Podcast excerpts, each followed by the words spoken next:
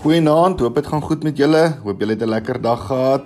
Ons gesels 'n bietjie oor besittings en rykdom en hoe dit ons dalk kan keer om by Jesus uit te kom. Vanaand se tema is en as jy dit kry, wie van julle het al so uitgesien na 'n vakansie en julle het die foto's gesien van die plek waar julle bly en dit lyk na hierdie paleis en hierdie idilliese plek.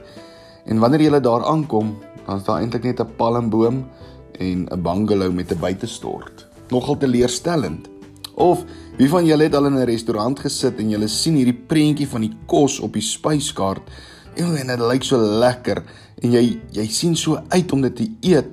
En wanneer die spyskaart of wanneer die kos by jou kom en dan sien jy maar dit lyk glad nie soos wat dit op die spyskaart gelyk het nie. En die kos is ook nie so lekker soos wat jy gedink het dit gaan wees nie. En dan was dit vir jou 'n teleurstelling en jy kan eintlik nie die kos verder eet nie. Ons sien dat hierdie ryk jong man se reaksie op dit wat Jesus vir hom gesê het ook eintlik 'n teleurstelling was. Ons sien dat Jesus het vir hom gesê hy moet al sy besittings verkoop.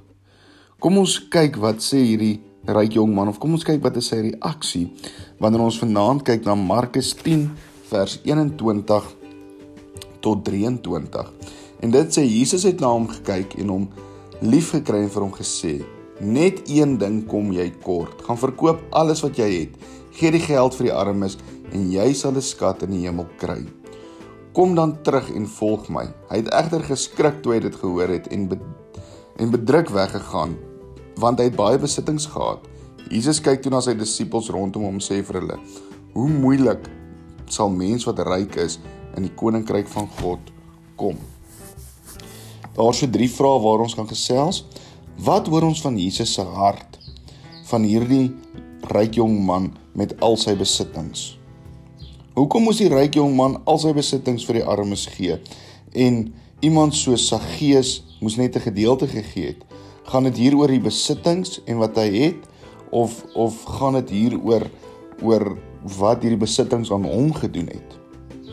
En hoe beleef julle die invloed van rykdom en geloof in julle verhouding met Jesus?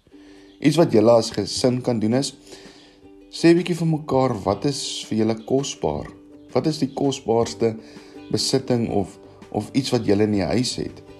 En wat is vir jou jou kosbaarste besitting? En hoe keer dit jou om by Jesus te kom? Gesels 'n bietjie daaroor. Kom ons bid saam, Here.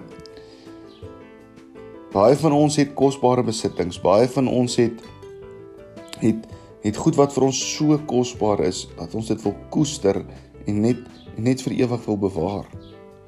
Here, partykeer raak daai kosbare besitting Partykeer raak rykdom vir ons meer as U.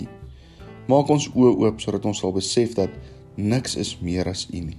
Dat U is vir ons alles. Dankie dat ons dit vir U mag vra, o Here. U is groot en almagtig en U is ons koning. Amen.